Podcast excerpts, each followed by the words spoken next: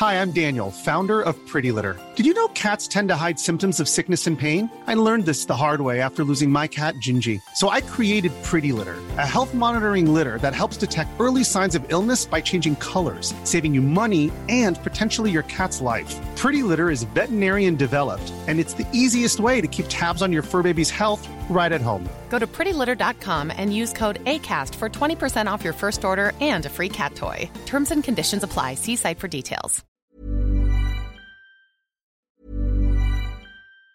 Planning for your next trip? Elevate your travel style with Quince. Quince has all the jet setting essentials you'll want for your next getaway, like European linen, premium luggage options, buttery soft Italian leather bags, and so much more. And it's all priced at 50 to 80% less than similar brands. Plus, Quince only works with factories that use safe and ethical manufacturing practices. Pack your bags with high-quality essentials you'll be wearing for vacations to come with Quince. Go to quince.com slash trip for free shipping and 365-day returns. Det vi lever av, presenteres av Designerprosjekt. Skreddersøm av kjøkken, bad og garderobeløsninger til alle utbyggingsprosjekt.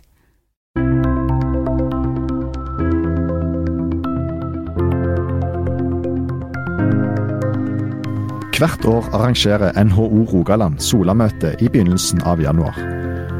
Arrangementet er en viktig møteplass for politikere og næringsliv, og i år var statsminister Erna Solberg og Equinor-sjef Eldar Sætre blant de som sto på scenen.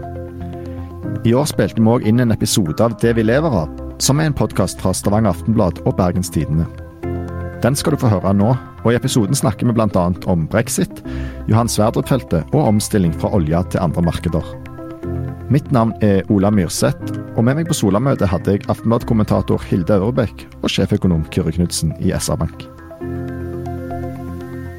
Og Kyrre, fire ganger i året så presenterer dere i SR-Bank et eh, konjunkturbarometer der dere tar pulsen på næringslivet i Sør-Norge.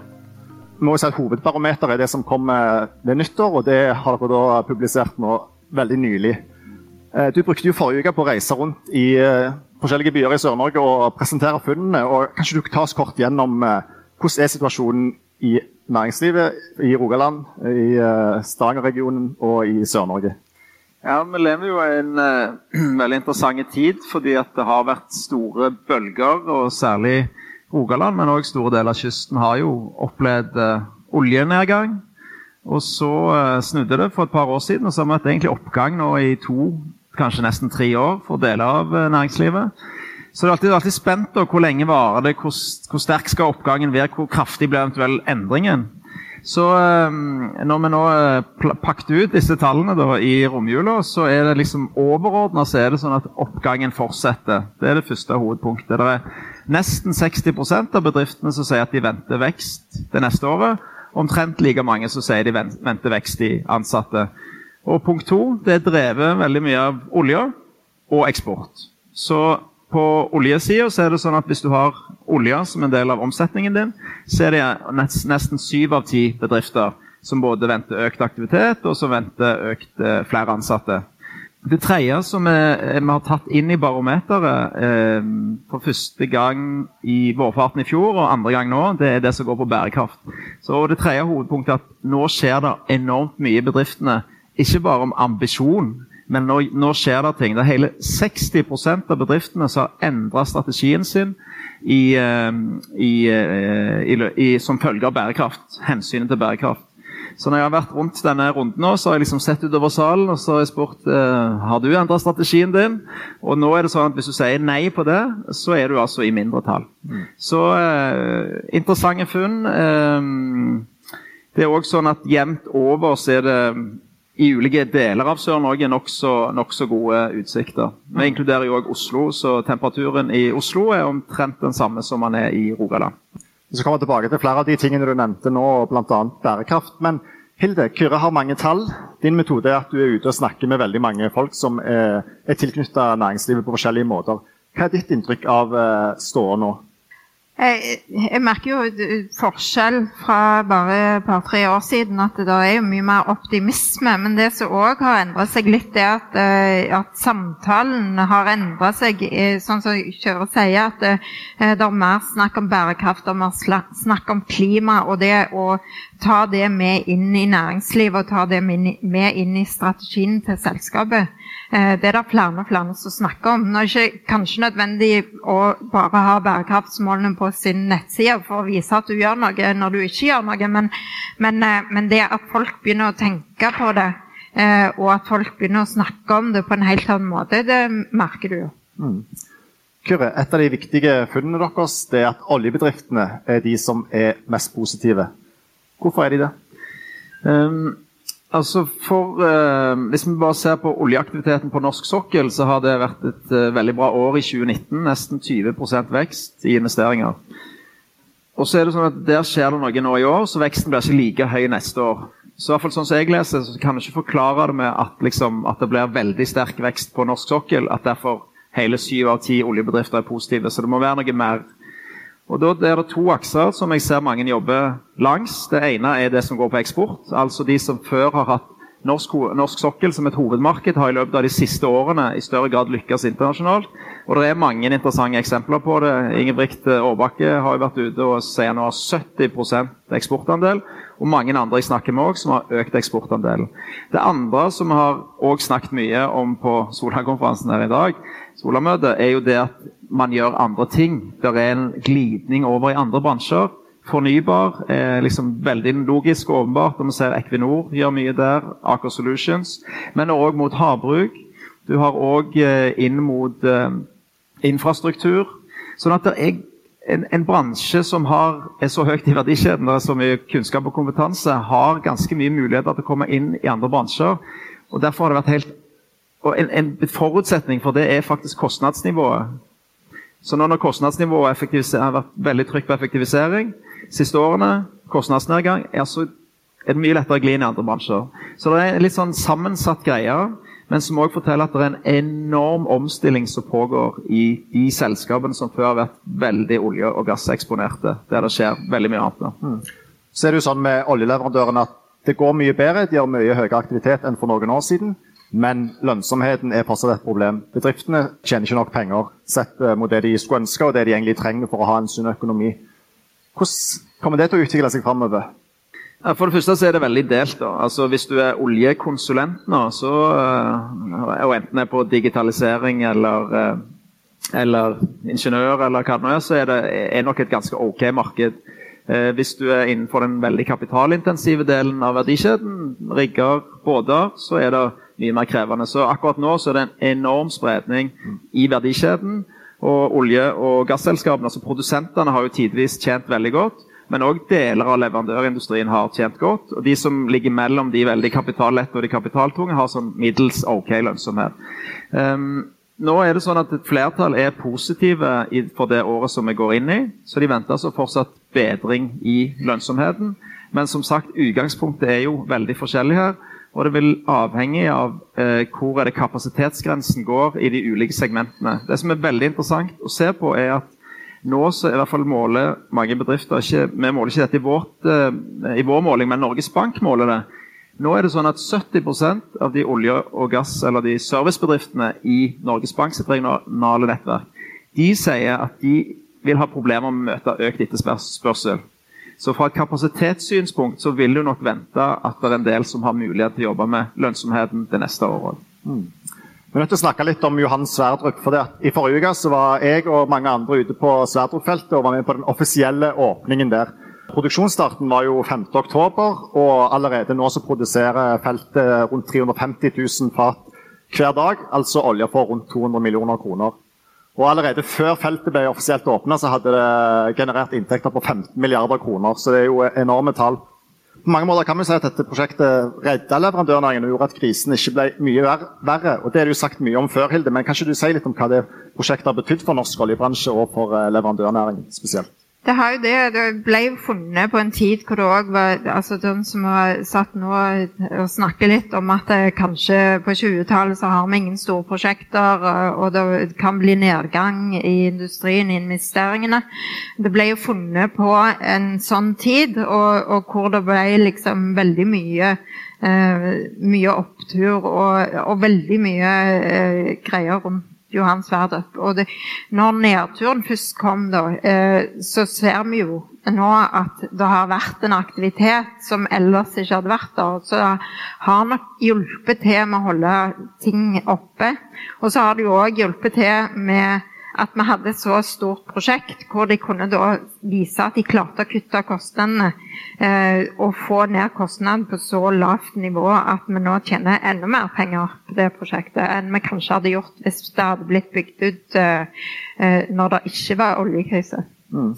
Kyrre, dette er jo et av de uh, største industriprosjektene i Norge i, i, moderne tid, og noensinne egentlig. Og I første fase kom vi til slutt på 83 milliarder kroner investeringskostnad. Nå er den fasen ferdig, og fase to skal pågå et par år til. Som er selvfølgelig et stort prosjekt i seg sjøl. Men hva, hva, betyr det for norsk leverandørnæring at det prosjektet går mot slutten?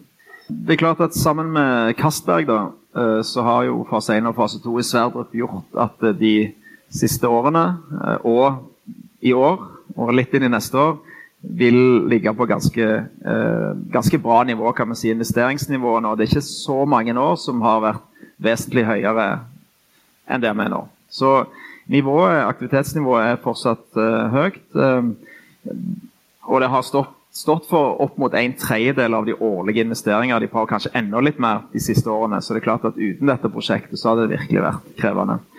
Så ser vi at i år kanskje opp 5% men allerede neste år og året etter så ser vi kanskje nedgang på årlig 4-5 um, ehm, Sånn at det er en litt krevende øvelse for ganske mange nå at du har et ganske høyt trykk akkurat nå. Og du har hatt det i fjor, og du har det litt ennå og skal levere.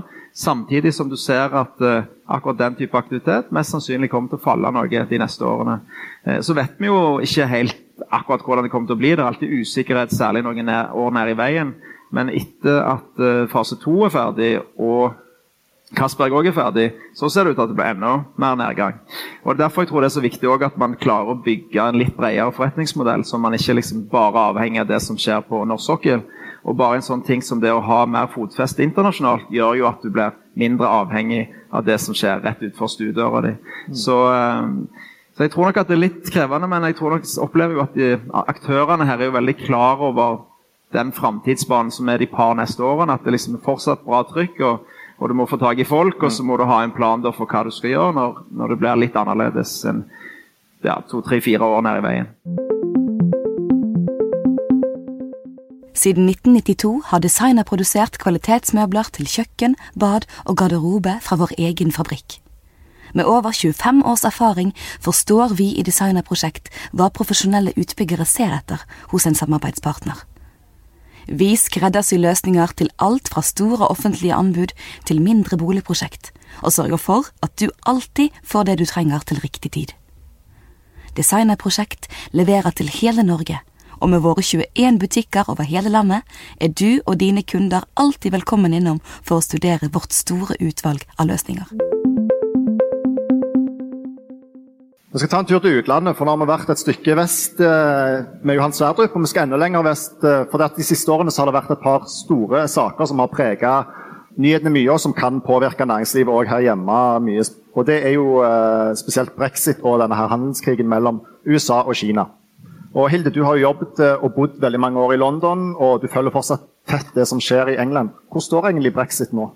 Nå er det jo sånn at uh, Boris Johnson må jo få denne avtalen sin gjennom Han har fått den gjennom Underhuset, skal få den gjennom Overhuset, hvor det er litt mer motstand. Men, men sannsynligvis så går jo den igjennom. og Det betyr at de på en måte melder seg ut 31. Eh, januar. Eh, og så har de elleve måneder på seg til å få en endelig handelsavtale. Det, er, det, kommer til å bli veldig problematisk, og veldig mange som sier at det, det er nesten umulig å få til. Eh, og I tillegg så skal jo Storbritannia òg forhandle handelsavtaler med tredjeland. Så det blir jo en veldig krevende øvelse På den annen side så er jo det litt mer forutsigbart når de først har fått til eh, at det blir en brexit. Fordi at den usikkerhetsmomentet det forsvinner jo på en måte, selv om det blir vanskelig for både landet, for eh, Storbritannia, for EU og bedriftene. Så, så vet de på en måte litt mer hva som skjer framover nå. Mm. Og hva kan brexit bety for eh, bedrifter her hjemme? Det kan jo, altså det er ingen som vet helt sikkert ennå. For det har vært så enormt mye usikkerhet eh, på hva slags avtale det går an på. Men, eh, men, det kan jo bety at enkelte bedrifter vil flytte produksjonen ut, f.eks. For eksempel, eh, fordi at det blir for dyrt å drive her. Men, men, det avhenger jo helt av hva slags avtale Norge får til å forhandle. Mm.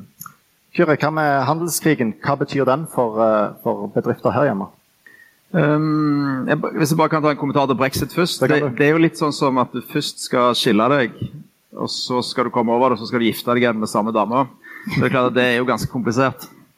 Men hvis du klarer å legge de følelsene bak deg, så er det jo ganske enkelt òg. For du har jo som Hilde sa, god kjennskap til forholdet. Og for Norge betyr det utrolig mye. Eh, men vi skal ikke glemme at en del av det vi eksporterer, enten er unntatt fra EØS-avtalen, altså energi Altså All olje og gass. Fisken er jo i utgangspunktet unntatt, men at det òg er mange områder f.eks. på tjeneste som kan bli ganske komplisert uh, i et sånn et uh, standard handelsavtale, WTO-regelverk. Men når det gjelder handelskrigen, så er jo den den liksom andre store tingen som har, uh, har fått mye oppmerksomhet globalt de siste to-tre årene. Og der har det vært sånn at vi i to, to, ja, ca. to år så har det vært ganske stadig eskalerende. Vi begynte litt sånn Skal ikke si forsiktig med Trump, men, men han, han, kom ikke Det tok jo faktisk et år eller halvannet etter han ble president, før han begynte å innføre tolltariffer. Og det var basert på noen rapporter som viste at det eh, kinesiske systemet ikke var liksom fair mot det amerikanske systemet i flere dimensjoner. Så har det eskalert, og så kom han inn i, i først én runde med forhandlinger der de var egentlig var klare til å signere i fjor vår. De fleste husker sikkert det. Og der av en eller annen grunn så trakk kineserne seg i siste sving. Eh, og Da ble nok han litt eh, irritert, så det gjorde at frontene ble ganske steile igjen. Men heldigvis da i løpet av høsten så kom han inn på et bedre spor. Og nå er status at de eh, er enige etter hva vi kan se, om å signere 15.1, som er jo ikke så omtrent i disse dager. Det blir veldig spennende å se akkurat hvor tid det blir og, og, og hvordan det blir. Men det, det blir, vil bli veldig overraskende hvis det ikke blir signert en fase 1. Det blir i utgangspunktet en litt sånn og Grunnen til at de kaller det fase 1, at da tar man de tingene som er litt lette å få til. Altså For å sette det litt på spissen, så er det litt uh, reduserte uh, tariffer på uh, soyabønner, soyabønneproduksjon i, for amerikanske produsenter inn mot det kinesiske markedet og litt lavere tariffer på Kines, altså elektronikk fra Kina inn i USA igjen. Da. Så det som, det som, dette egentlig handler om, det er jo en slags krig, ikke en krig, men en kamp om verdensherredømme. Og det er klart at Derfor er denne utfordringen her mener jeg mye mer fundamental enn på his brexit. For brexit det handler bare om å komme seg videre. Men dette er jo en spenning som vil være mellom USA og Kina i mange, mange, mange år framover. Og hvis du tar den lange historien, så var Kina og Asia var verdens største helt fram til 1850. Og så kom opiumskrigene, og så gikk det mye, mye feil vei. Ja, den veldig korte er at uh, nå så har man jo da en mulighet igjen til å være på en måte dominere verdensbildet på en annen måte. Og Derfor dette handler om teknologi, rettigheter, det handler om markedstilgang, og så handler det om liksom, den overbygningen. Hvem er det egentlig som skal styre verdensutviklingen framover? Og der uh, har ikke Trump lyst til å gi slipp helt ennå. Men hva er verst for eh, bedriftene her hjemme? Er det de potensielle konsekvensene av brexit og handelskrig, eller er det usikkerheten? Altså, det er jo litt sånn uh, paradoksalt, sånn som jeg sa, at noe av det som har drevet oppturen i norsk økonomi og for bedriftene her to-tre siste årene, har vært eksport. Men det er pga. en svak kronekurs, og at vi ikke er markeder som er midt inne i handelskrigen.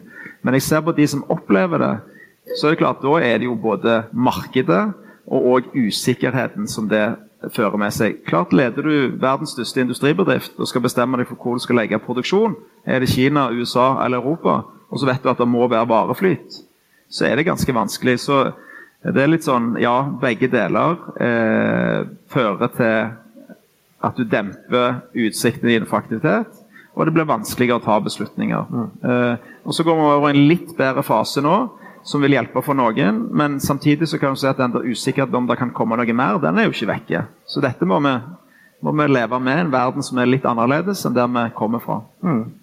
Et slags overordna tema for eh, Solamøtet i dag har jo vært omstilling og, og, nye muligheter. For noen uker siden så var det en uh, veldig interessant artikkel i Aftenposten uh, som handla om Stavanger-regionen og den belgiske byen Charleroi. Rundt 1900-tallet var Charleroi og regionen Hinot det var blant de rikeste i Europa. De var, hadde enormt mye kull og stor velstand pga. det.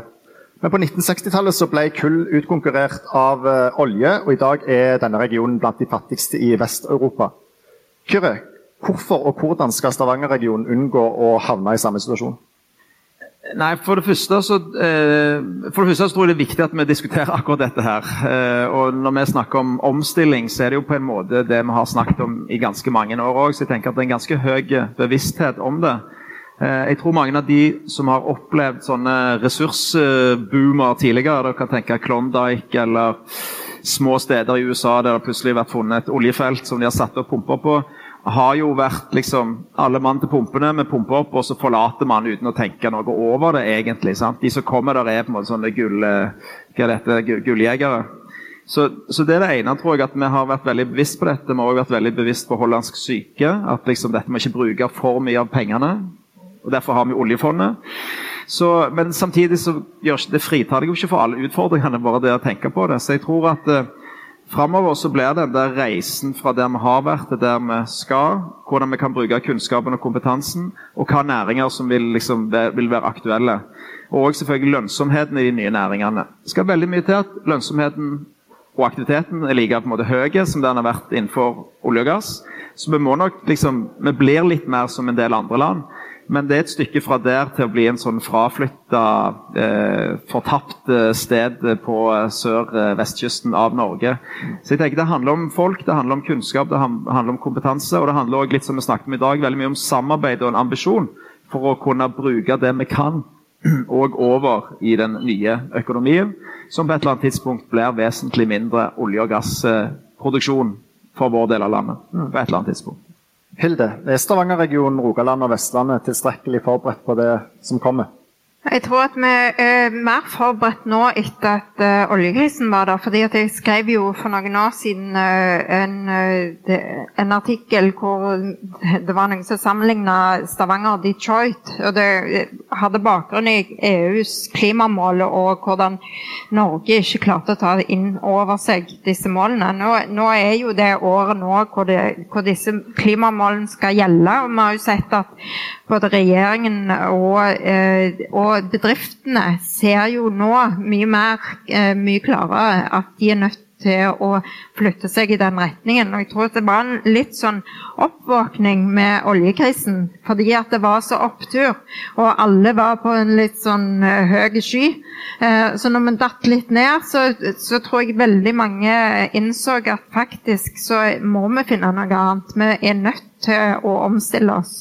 Så nå er det jo det om, sånn som de snakket om inne her, um, om vi klarer å samarbeide om det. Om vi klarer å få til den gode dialogen som gjør at vi ikke står på hver vår front og roper på hverandre. At faktisk bedriftene klarer å finne løsninger, og at politikere og næringsliv at de klarer å snakke sammen og ikke nødvendigvis bare skape en sånn svart-hvitt-situasjon. For her må det jo mye samarbeid til for at du skal få til gode løsninger. Kyrre, For å få til dette med omstilling, så er det jo helt avgjørende at oljebedriftene finner arbeid i, i nye markeder. Hva viser barometeret når det gjelder dette her? Ja, Vi har et spørsmål som er ganske interessant. og det er Da stiller vi spørsmålet har du lykkes i nye sektorer i løpet av de siste tolv månedene. Eh, og Nå har vi jo gjort det noen ganger, og vi ser at eh, som Hilde var inne på, liksom helt på tampen av oljeoppgangen så var det lite nye markeder. Men litt inn i, eh, litt inn i oljenedgangen så så man plutselig ble liksom suksessraten veldig høy når man har fått flytta blikket fra der som var i ferd med å gå ned, til enten om det bare går mer internasjonalt eller over i nye markeder. Og da, det vi ser er sånn som Nå så ligger man på en sånn 20-25% av disse selskapene sier at de lykkes i nye sektorer. Har lykkes. Det er ikke bare en ambisjon, men de har lykkes i løpet av de siste tolv månedene. Og um, Hvis du ser i forhold til alle bedriftene, så ligger, hvis vi tar snitt av alle bedrifter, så ligger det bare på 5% Så Det betyr jo at dette er jo en, en, en, en gjeng av bedrifter som er, er, vant til å være på jakt og vant til å lykkes også i nye markeder nå. Altså En om, veldig sånn omstillingshungrig og omstillingsdyktig gjeng. da. Så det um, tenker jeg at lover ganske godt egentlig for det som, uh, det som og kommer til å skje framover, som er litt mer av det samme. For du må tilpasse deg. Vi var inne på at aktiviteten på norsk sokkel litt opp i år, men så ned igjen neste år. Så du må liksom være litt sånn på jakt etter de nye mulighetene.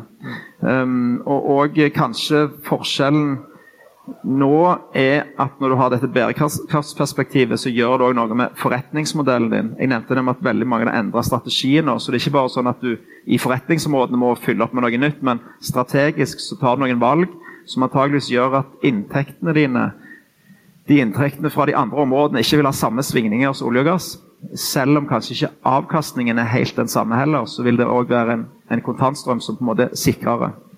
Og så er, det jo, eh, så er det jo det som Tina Saltvedt snakket om, at finansnæringen eh, er jo òg veldig eh, mye inne på, på den sida av ting. At de, tar, de, krever at bedriftene skal ha bærekraftsmålene og Parisavtalen som et mål.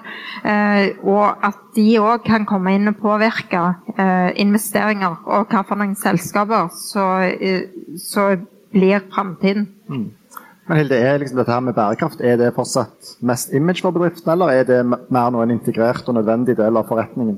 Jeg tror det begynner å flytte seg over til å være et image. Jeg tror det var mye mer det tidligere. Mm. Men uh, nå tror jeg at uh, som sagt, at det, at det, er så mange andre næringer som setter det som en standard. Uh, at nå tror jeg en del bedrifter ser at det er nødvendig å flytte seg i den retningen. Mm. Hva, hva, måler dere når dere uh, nå har begynt å måle dette? Hva ser dere på det i, i parameter? Uh, nei, det, det, er kjempeinteressant. Altså. Det, vi snakket jo litt om investormakten her i dag. Uh, og det er helt klart Den er veldig sterk. Den er, den er jo sterkest kanskje for de på en måte, som har større investorer, eller som er børsnoterte. eller vi måler jo blant veldig mange bedrifter, og der ser vi faktisk at dette som går på forbrukermakten, eller hva er det, hva er det kundene dine forventer, hva er det de venter av deg. Så nå, nå var nesten 60% som svarte at liksom, det vi gjør på bærekraft, det er fordi at kundene forventer det av oss. Så sier de at myndighetskrav betyr mye. og det, På mange områder nå så er, måte, er det mer krav som kommer inn. Og så sier de liksom det ansatte. Og Jeg snakker med mye forskjellige bedrifter, og det er klart at i en del bedrifter så er man stolte nå over det, der man er på vei. Mm. Og Da er det òg lettere å få til hvor du skal ansette unge, nyutdanna folk i dag. Hvis du ikke har så ikke tydelige på bærekraft, f.eks., så kan det være et minus i kampen om eh, talentene. Og nå er eh, arbeidsledigheten er lav, så det er en ganske sånn hard kamp om, eh, om arbeidskraften for tida. Da tenker jeg at det òg er med på liksom å sette litt ekstra, ekstra fart på det med å synliggjøre det man gjør. For jeg tror ganske mange gjør ganske mye. For det er òg god økonomi i veldig mye bærekraft. altså Det må ikke sløse og sånt, alt dette her. Men det å liksom vise det litt mer òg, og, og, strukturere det kanskje på en litt annen måte, tror jeg òg er viktig for mange. Mm. Det var jo som eh, UiS-rektor Klaus Moen sa her tidligere i dag, at uh, bærekraft er nå på alles lepper, og det er jo helt tydelig. Vi står helt på terskelen av et nytt tiår, og Hilde, hva kommer til å være det viktigste og det mest spennende for næringslivet i regionen og i landet dette tiåret?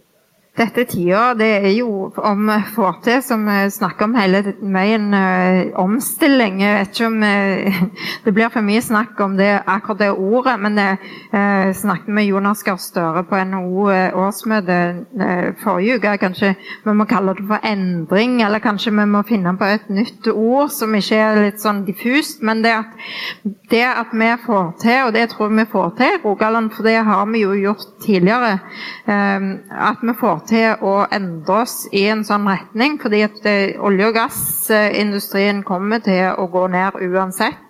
Eh, det er ikke en fornybar næring.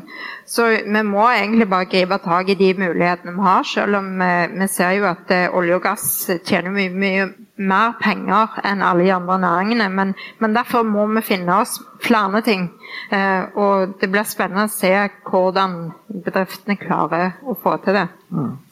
Kyrre, hva tror du om tiåret som ligger foran oss? Um, jeg tror at um, det er, liksom, det er sånn et sett med muligheter som er helt åpenbare, og så er det et sett med utfordringer som vi uh, òg må sørge for å snakke nok om. Og Det med muligheter er at uh, vi har en vanvittig bra historie. Det gjelder både Rogaland, det gjelder Vestland. Uh, det gjelder òg for så vidt uh, Sørlandet. altså Den delen av kysten, kyststripa som er en del av. Vi har um, gjort det bra. Vi har en velutdanna befolkning. vi har vi har systemer som fungerer. Så det er liksom, og det, er godt med kapital.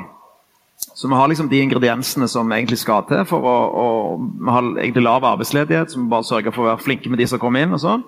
Så det er liksom mulighetene vi har. Og, og ble belyst i dag, om det er på om det er på havbruk, eller om det er på havvind eller offshorevind, eller hva det er.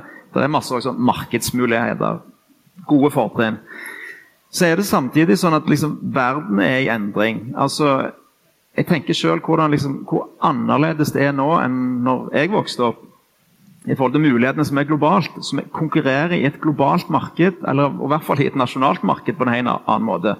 Så det holder ikke bare at vi utnytter de mulighetene. Altså Hvis det er andre områder eller steder som er flinkere enn oss til å utnytte de mulighetene La oss ta Oslo siste 20 år. Jeg bodde ti år i Oslo. Det var fantastisk mange kjekke, kjekke folk. En helt ubrukelig by. Liksom, jeg flytta for 10-11 år siden. Men i løpet av de årene jeg bodde der, så ble det mye bedre. Og nå mener jeg at de virkelig har utvikla den byen til å bli hovedstadskvaliteter. Sant? Det er et fantastisk jobbmarked. De har bygd om byen. Når du kommer der, så er det barcode, det er sjølinja som er utbygd. alt sånt som det. Hvis du går til Stockholm, akkurat det samme. København. London òg har virkelig liksom, Får vi se hva som skjer med brexit. Men poenget er at vi må innse at vi er i en, en, helt annen konkurranse nå enn der vi var for noen år siden. Og der vi var for noen år siden, ga oss en vanvittig fordel. For da ga råvaren oss veldig mange jobber som folk ville ha. Så kommer vi antakeligvis til et tidspunkt der folka bestemmer hvor de vil bo. Og så skaper man arbeidsplasser ut fra det.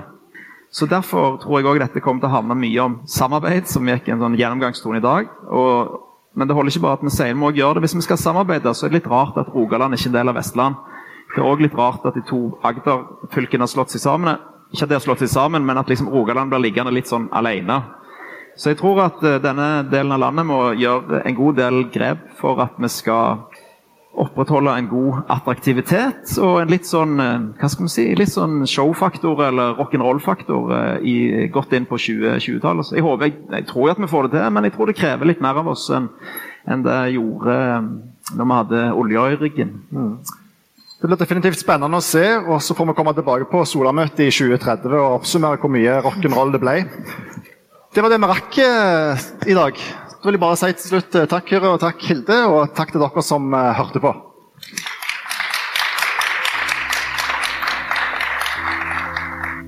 Vi kommer snart tilbake med en ny episode av Det vi lever av. I mellomtida tar vi gjerne innspill til temaer vi kan snakke om i podkasten. De kan du sende til podkast.sysla.no. Podkast med K. Produsent er Henrik Svanvik, og jeg heter Ola Myrseth. Takk for at du hørte på.